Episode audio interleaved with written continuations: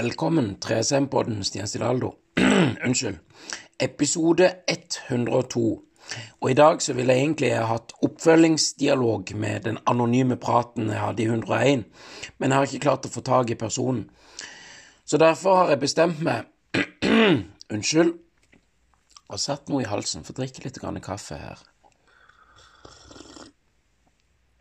Ah, Det var godt. Det hjalp. Derfor tenkte jeg å starte litt grann på ei fantastisk bok som både kan lære med og det noe.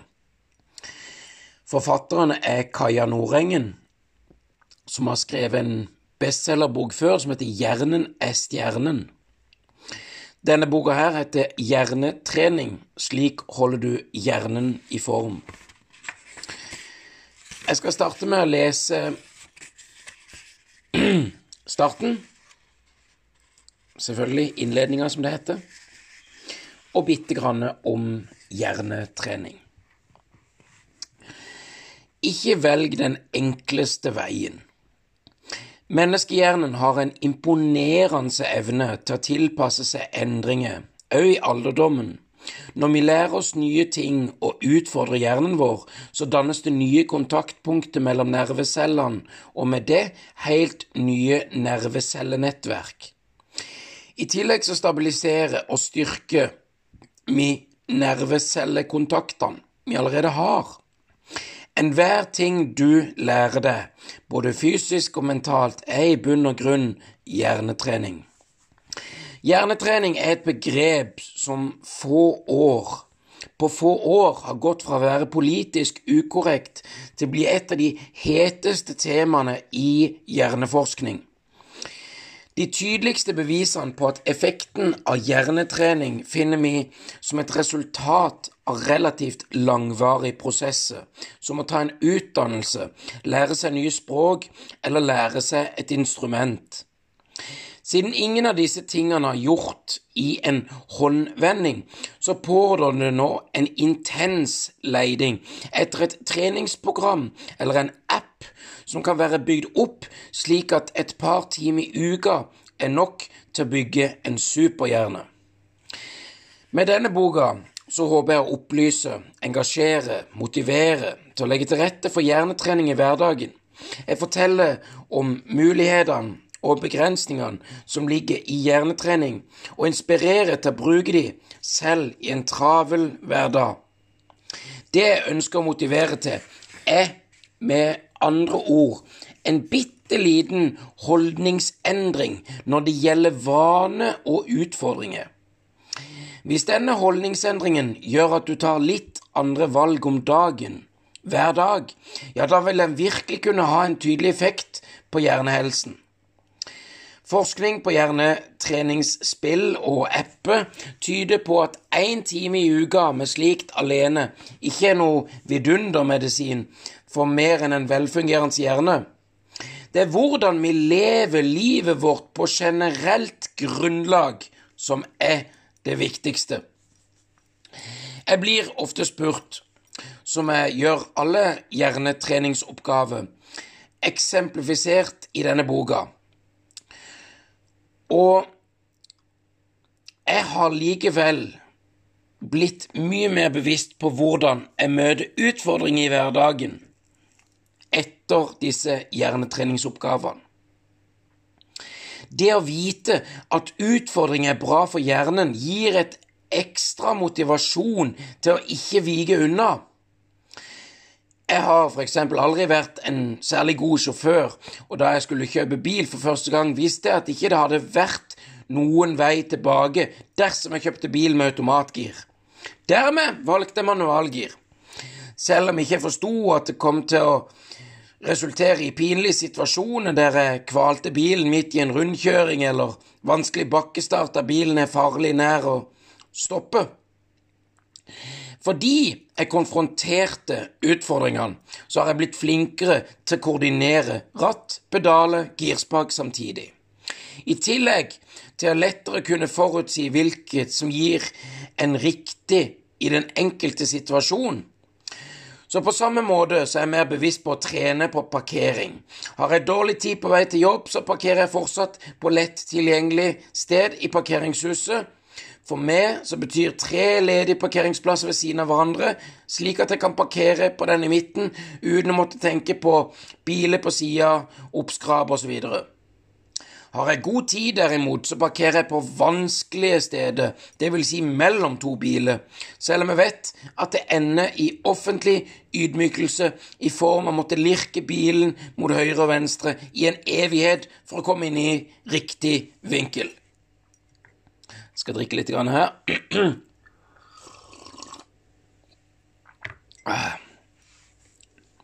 Riktig Riktig vinkel, skal vi se Kanskje til og med måtte gå ut av bilen for å se hvor god plass jeg egentlig har, før jeg lirker videre. Hvis jeg er tålmodig nok, så vil jeg med den tiden trene opp hjernen til å bli flinkere til å bedømme avstander, for akkurat det kommer ikke til å vike unna ved heller å velge passasjersete. Eller ved en annen form for hjernetrening som å spille sjakk, løse IQ-tester, sudoku, kryssord osv. Hjernetrening er som annen trening spesifikk, på samme måte som at ikke det finnes én slankepille som gjør deg slank i en fei, eller én diett hvor du går ned i vekt samtidig som du får spise akkurat hva og hvor mye du vil, så er det foreløpig få snarveier til hjernetrening. Trening krever hard jobbing, og resultatet kommer over tid, både når det gjelder hjernen og kroppen. Selv om sjakk og logisk oppgave ikke bedrer avstandsdømming, så er det fremdeles en god trening for hjernen. Vi har alle sammen godt av å utfordre hjernen vår i hverdagen. Så hvis jeg med denne boka klarer å mane fram en generell holdning der du ikke setter deg i sofaen for å se en serie for tredje kveld på rad, men heller oppsøker nye opplevelser, nye utfordringer, ja, da er jeg fornøyd. Det er imidlertid en stadig kamp mot å velge det som er enklest her og nå, selv om jeg seriøst vurderer å ta bussen halvannen time på en strekning som hadde tatt 20 minutter med bil, bare fordi jeg ikke kan veien, eller ikke vet akkurat hvor jeg kan parkere. Den typen passiv tilnærming til utfordringer vil jeg til livs. Skal jeg bli bedre til å finne veien, så må jeg trene på det. Det samme gjelder for det du ønsker å bli bedre på. Så jeg håper boka kan opplyse, motivere, engasjere. Og istedenfor å skrive og istedenfor å lese av god lesning, så sier jeg god lytting. Kaja Nordengen, vinteren 2017. Og da starter jeg på første kapittel, som heter Hjernetrening. Hvordan du lever livet ditt, påvirker hvordan hjernen din utvikler seg. Før så trodde man at hjernen bare var en formbar hos barn, men nå er vi nå vet vi via forskning at hjernen er formbar hele livet. Og hvordan du bruker hjernen din gjennom livet, vil påvirke hvor motstandsdyktig den er mot sykdom eller demens. Kognitiv reserve. Kognisjon er et begrep som inneholder så mye at bare det å lære seg det med en gang Ta det som bogens første hjernetregning. Kognisjon er hvordan vi tenker, oppfatter, løser problemer, og hvordan på hvilke grunnlag vi tar avgjørelser, hvor oppmerksomme vi er, hvor vi tolker verden rundt oss, hukommelsen vår, og hvordan vi resonnerer, kommuniserer og snakker. Kognisjon inneholder egentlig alt som gjør oss til rasjonelle, tenkende individer, og omfatter veldig mange av hjernens aller viktigste funksjoner. Disse evnene blir trent av å ta en utdannelse, ha en mentalt krevende jobb, engasjere seg i mentalt krevende fritidsaktiviteter samt å være sosial. Alt du gjør som utfordrer hjernen, og som gjør at du lærer noe nytt, vil føre til at det dannes nye nervecellekontakter og helt nye nervecellenettverk. I tillegg så vil nervecellekontaktene du hadde fra før, men òg som brukes i det nye nettverket, styrkes. Sannsynligvis så er det alle disse ekstra nervecellenettverkene som gjør at hjernen er i stand til å improvisere og finne alternative ruter for å få jobben gjort når det først rammes av sykdom. Med mange nervecellenettverk så skal det mer sykdom til før alle veier som fører frem til en løsning av et spesielt problem, blir ødelagt. Følgelig så tar det lengre tid fra faktisk sykdomsstart til vedkommens får på sykdommen. Det kalles kognitiv reserve. Den kognitive reserven bygges opp gjennom et helt liv med utfordringer, utdannelse og generell nysgjerrighet. Må ta Drikke litt til. Tørst i halsen. Ja tørst i halsen. For det er riktig. Allerede som barn er stimuli viktig for å bygge opp det som skal bli den kognitive reserven som voksen. Det er en overproduksjon av nervecellekontakter i barndommen, i barnehjernen, der den faktisk danner mellom 700 og 1000 kontakter hvert eneste sekund. Denne overproduksjonen av nervecellekontakter bidrar til å gjøre barnehjernen ekstremt mottagelig for læring og enda mer plastisk og formbar enn den voksne hjernen. Etter hvert som barnet blir eldre, så blir imidlertid de nervecellekontaktene som ikke har blitt brukt, tilbakedannet. Barnehjernens formbarhet virker altså begge veier. Et område av hjernen som ikke blir brukt, vil miste sin opprinnelige funksjon og bli brukt til noe annet. Et barn som sjeler, f.eks., som vil se dobbelt, og hjernen vil etter hvert bare ta imot signalet fra det ene øyet. Det er i og for seg praktisk, fordi barnet slipper å se dobbelt lenger, men når det er gammelt nok til å bli operert for skjelinga, så vil det ene øyet ikke lenger fungere. Ikke fordi det er noe galt med øyet, men fordi den delen av hjernebarken som før ble brukt til å tolke synsinntrykket for dette øyet, nå brukes til noe helt annet. Barnet har blitt barkblind. Har det først skjedd, så er det irreversibelt. Irreversibelt, unnskyld.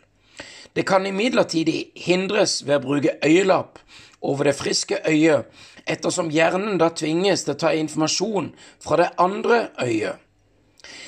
Vi er alle født med ulikt utgangspunkt, men fordi vi alle ser og ikke ser, hører, opplever og lærer, former hjernene våre. Vi alle hjernes utvikles forskjellig, avhengig av miljø, erfaringer osv. Vi ser akkurat det samme hos dyr, voksne som unge. Laboratorierotter som får bo i et såkalt berika miljø, altså et bur med ulike aktiviteter, får også tykkere hjernebark, flere nervecellekontakter, bedre blodforskyvning til hjernen enn de som bor i ordinære såkalte laboratoriebur. Hjernen har med andre ord veldig godt av stimuli og utfordringer. Og når hjernen begynner å eldes, så ser man at hjernebarktykkelsen reduseres. Hos friske eldre så skjer det ikke fordi nervecellene dør, men fordi det blir færre nervecellekontakter.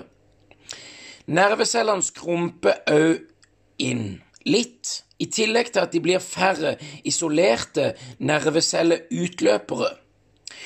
De fysiske endringene i aldrende hjerne fører til en reduksjon i kognitive funksjoner, og hjernen begynner å preges av alderen allerede med en 45 års alder.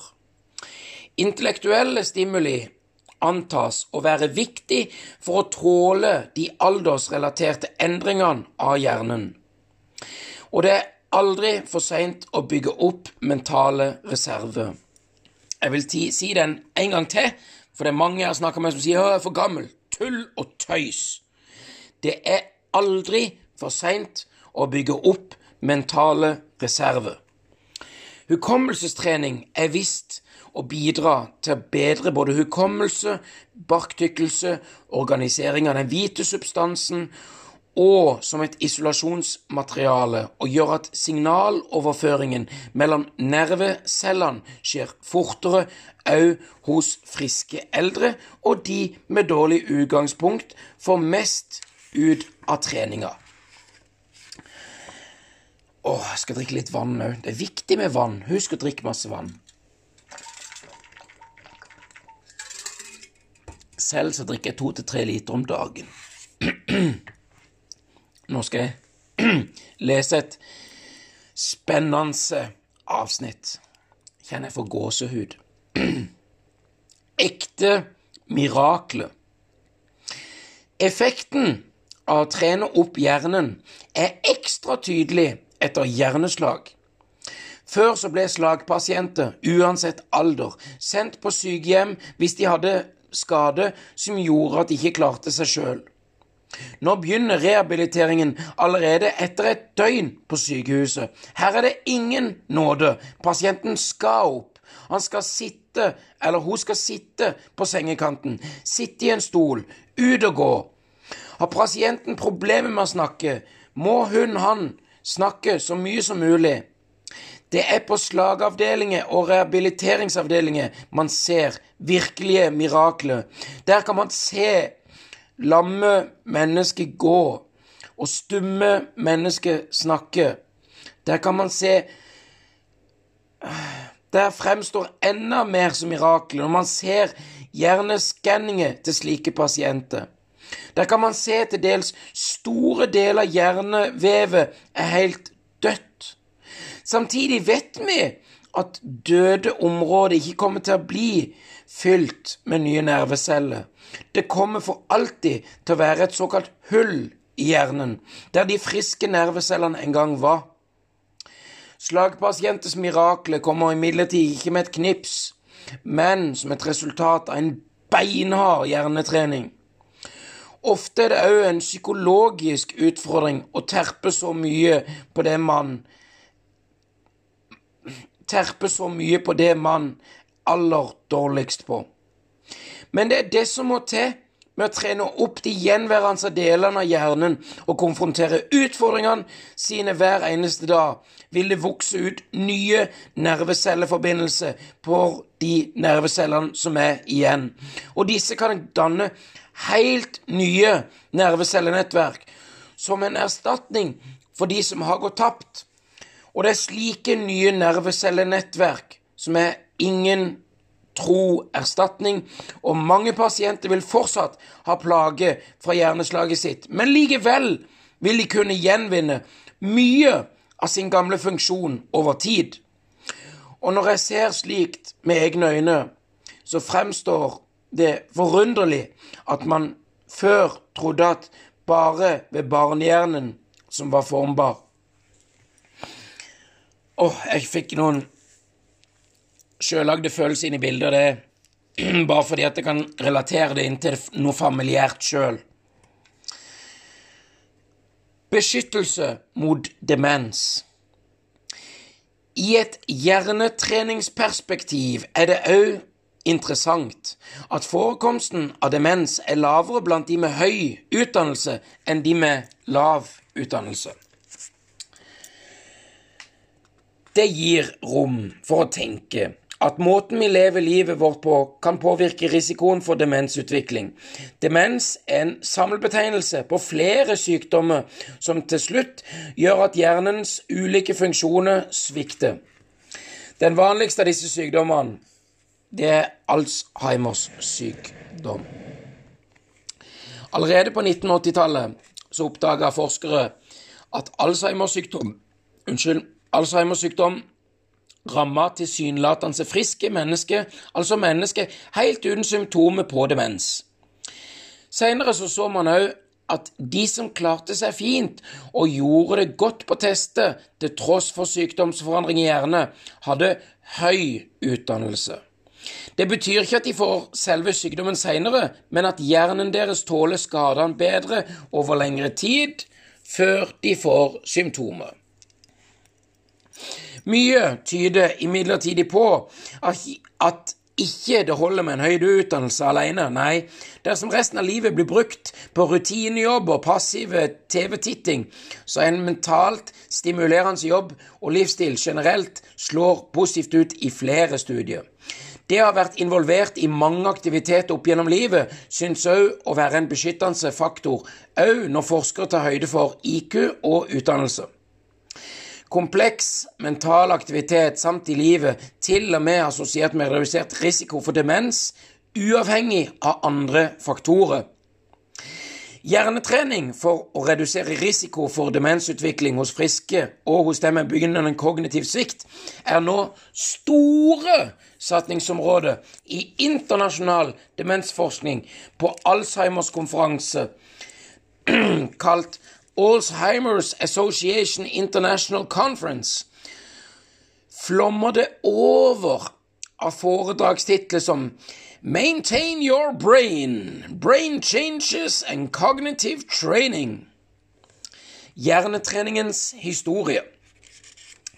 Hjernetrening er ikke bare et hett tema i 2018, 19, 20, 21. Nei, det har vært det i tusenvis av år. Det virker som om vi skjønte at hjernetrening var bra for oss allerede før vi hadde forskning til å underbygge det.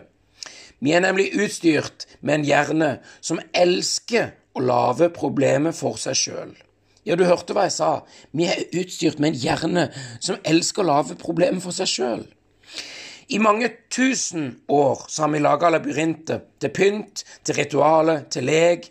Fra nordiske Troja-helleristninger med komplekse labyrintmønstre, eh, også kalt Nei, unnskyld.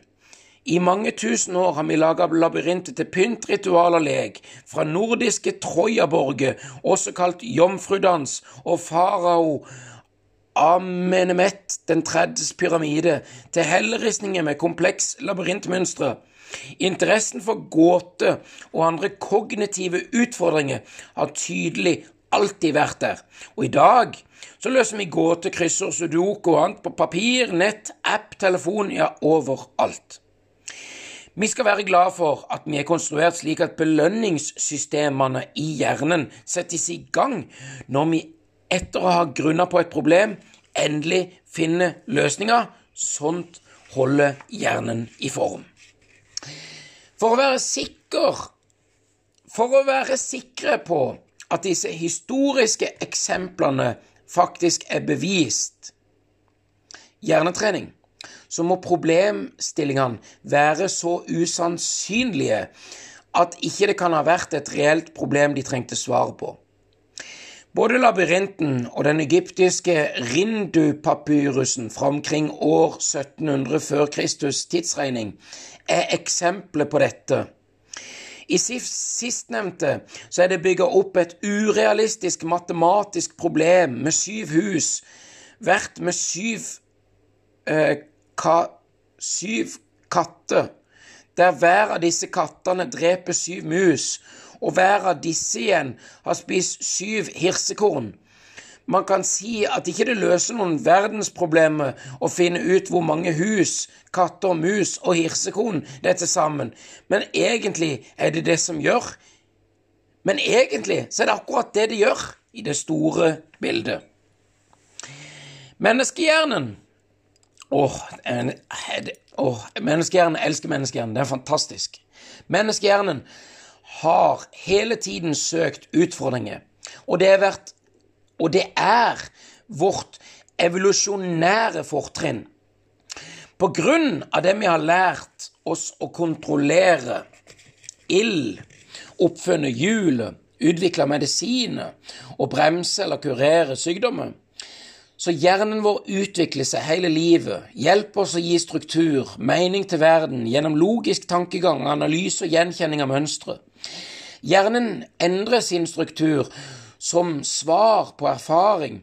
Det er godt å bli brukt og utfordra. Det gjør hele strukturen mer robust. Møt verden med nysgjerrighet og lærelyst. Ikke vik unna for utfordringer, men konfronter dem og oppsøk dem. Vi vet allerede at utdannelse, det å lære noe nytt, et språk, instrument, er bra for hjernen din, men det kan være vanskelig i en travel hverdag. Lag heller din egen hjernetrening ved å vri om på de små rutineoppgavene du gjør hver eneste dag. Det får du mange tips til i denne boken. Skal man ha håp om virkelig gjøre en forskjell for sin egen hjerne, så er den generelle livsstilen som vil først og ha størst betydning. Det er også greit å være bevisst på at hjernetrening må være spesifikk. Du får ikke stor biceps av å trene legge, og du blir heller ikke flinkere til å navigere av løse kryssord. La oss ikke La oss heller ikke det at vi er født med ulikt utgangspunkt, hindre deg. Nei, for du kan trene deg opp derfra. Ikke alle kan bli Marit Bjørgen eller Petter Northug eller andre. Samme hvor mye du, de trener, men det bør ikke være et argument mot å trene. Som så mye annet i livet krever de beste tiltakene mye innsats. Men på samme måte som for kroppen, så er litt trening for hjernen bedre enn ingen trening.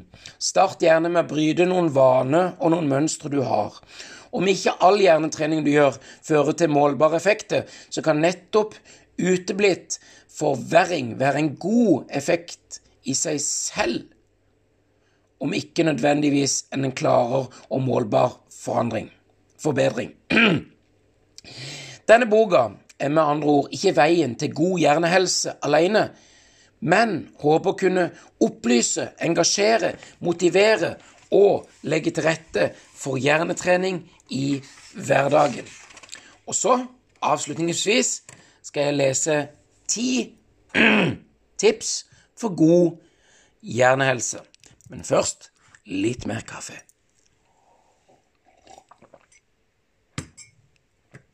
Yes. Ti tips, og den første, den er superviktig. Legg til rette for søvn. Søvn er viktig. Hvorfor skal vi ellers bruke en tredjedel av livet vårt på å sove? Konsekvensene av for lite søvn merker du kjapt. Sover du lite, så fungerer ikke hjernen like godt. Man husker ikke like godt, er mindre konsentrert, tenker ikke like raskt, og humøret blir påvirka. Og får vi altfor lite søvn, så kan vi òg få en psykose eller miste kontakten med virkeligheten. Men hvorfor er søvn så viktig for en velfungerende hjerne? Vi er fortsatt ikke helt i mål med forskning med å forklare hvorfor, men i en dyreforsøk så har forskere sett at det er nettopp når vi sover at hjernen vår blir rensa. Den væska som man før trodde bare lå i midten og rundt hjernen, den ser nå ut til å skylle gjennom hjernen når vi sover, fjerne på denne måten avfallsstoffet som har hopa seg opp mens vi er våkne. Og det er ikke alle som har råd, som er like lett å følge. Sov godt er blant de. Vi kan imidlertid gjøre mye for å legge til rette for søvn. Vi kan eksempelvis unngå å stirre inn i lysende skjermer, mobiltelefoner, padder, PC-er, TV-er rett før vi skal sove, og når vi vet at det blå lyset lurer hjernen vår til å tro at det er dag, så er det lurt å legge den vekk tidlig. Tips to. Tren fysisk. Hjernen har ikke bare godt av å bli brukt til mentale oppgaver, den har òg godt av fysisk trening. Forskere ser at regelmessig fysisk trening gir både bedre hukommelse og læring, samtidig som man mener at trening kan være viktig for å forebygge sykdom som direkte skader nervecellene og deres kontakter, samt fysiske sykdommer som depresjon og demens, spesielt hos eldre. Fysisk trening øker hjernens formbarhet, annet ved å øke nydannelse av blodkar, nydannelse av nerveceller, og den aller viktigste årsaken til at fysisk trening er så nyttig for hjernen, synes å være at det blir frigjort egne stoffer som bidrar til at hjernecellevekst og utvikling går fortere. I tillegg reduseres det risikoen for en rekke andre tilstander som indirekte skader hjernen, diabetes, høyt blodtrykk og karsykdom. Lær deg et instrument. Å lære et instrument er veldig nyttig for hjernen, og man ser faktisk strukturelle forskjeller i hjernen mellom musikere og ikke-musikere. Forskjellen er tydeligere jo tydeligere man begynner å spille. Eksempelvis har man sett at den fremre delen av hjernebjelken, altså den som knytter høyre og venstre hjernehalvdel sammen, er større hos musikere enn hos ikke-musikere. En ser òg tykkere hjernebark hos keyboardspillere i de områdene som styrer motorikk, omfatter lyd og tolker synsinntrykk. Det kan selvsagt være medfødte forskjeller som bidrar til at noen satser på musikk og andre ikke, men flere studier har vist at strukturelle endringer i hjernen hos barn etter kun få måneder med musikktrening er bra. Lær et nytt språk. Det er lett å glemme hvor fantastisk det er når vi faktisk forstår språk. For hva er egentlig lyd? Lyd er en for, eh, tetning i lufta som får trommehinnene våre til å bevege seg. Hjernen tolker trommehinnenes bevegelse slik at vi forstår lydene som ord. Morsmål og fremmedspråk er lagra ulikt i hjernen vår. Det kan gi forskjellige utslag. Det kan f.eks. Det går f.eks. an å skade deler av språkområdet, slik at du ikke lenger kan snakke norsk, men kan kun bruke din gamle skoletysk. Det betyr òg at det er vanskelig å lære seg et nytt språk som voksen like godt som da du var barn. Lyder vi ikke har eller ikke skiller mellom i vårt språk, kan bli vanskelig å lære i et nytt språk. Å lære seg et nytt språk er imidlertid bra for hjernen din hele livet, og fører bl.a. til tettheten av grå substanse der signaloverføringen mellom nervecellene og nettverket skjer, blir høyere. Spis sunt. Visste du at en femtedel av næringen du inntar, brukes av hjernen? Derfor er det en fordel å være bevisst på hva du fôrer med. Omega-3-fettsyre og fettrik fisk generelt kommer høyt opp på lista av mat som anbefales. Nest etter rent fettvev er faktisk hjernen den mest fettrike organet i kroppen. Ellers så gjelder de generelle kostholdsrådene variert kosthold med frukt, nøtter, grønnsaker og ikke dropp frokosten. Og som jeg har snakka om eh, flere ganger før jeg leser neste tips, for det er vel ikke tips ti, men syv, åtte, eh, seks, tips seks, så skal jeg drikke litt vann.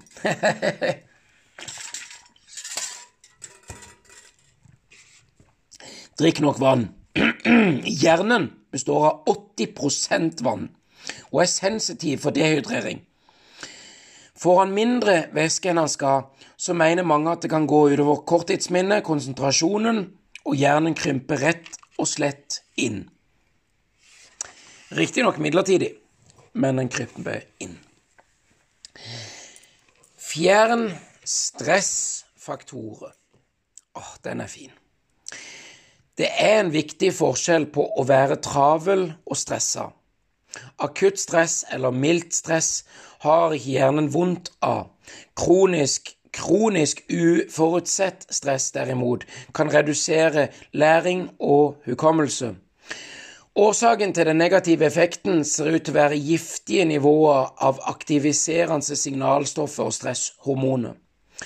Den voksne hjernen tåler det mye bedre enn barnehjernen eller ungdomshjernen, og de negative effektene synes å være reversible på den fullvoksne hjernen. Uansett alder bør en likevel forsøke å fjerne elementer som bidrar til kronisk negativt stress. Åtte, tips nummer åtte les bøker framfor å se på TV eller lytte på podkast. Hvis du, visste du at å se på TV mer enn tre timer per dag øker risikoen for å dø tidlig? Visste du det? og at mer enn to, to timer TV-titting per dag øker risikoen for livsrelatert sukkersyke, diabetes type 2. I tillegg til at TV-titting er knytta til usunne spisevaner, påvirker TV-bruken søvnen negativt. Mens å lese bøker, derimot, det fremmer søvn, reduserer stress. I tillegg så øker det empatien og evnen til å forstå andre følelser. Lesning øker også den kognitive reserven, altså gjør han hjernen vår mer motstandsdyktig mot sykdom. Tips nummer ni. Vær sosial. Menneskehjernen er laga for å finne fram til løsninger i fellesskap. Nettopp det at vi evner å lære av hverandre og bygge videre på andres ideer, gjør at vi opplever de enorme teknologiske fremskrittene vi ser rundt oss akkurat nå i dag. For å ta vare på hjernehelsa vår, så bør vi òg ta vare på gode relasjoner, ikke bare de som eh, lever, de som er sosiale lenger. Det har Altså, de har både bedre fysisk, mental helse, i tillegg til at det tar lengre tid før de får demens. Så vær sosial. Tips ti, og det siste tipset.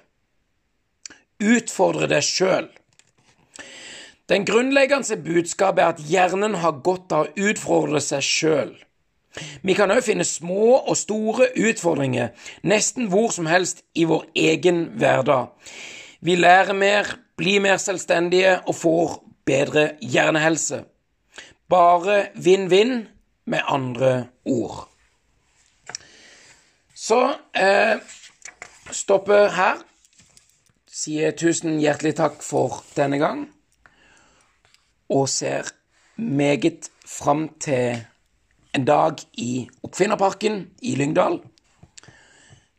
Der befinner jeg meg mye nå i, i, nå i disse tider. Så det er bra. Og eh, fram til neste gang, utfordre deg sjøl, hjernetrening, pust. Og når folk kan hate uten å ikke ane, så kan jeg elske. Så jeg elsker det. Du er elska. Fred og kjærlighet. fram til neste gang, peace out. Når folk kan hate, så kan jeg elske. Jeg elsker det.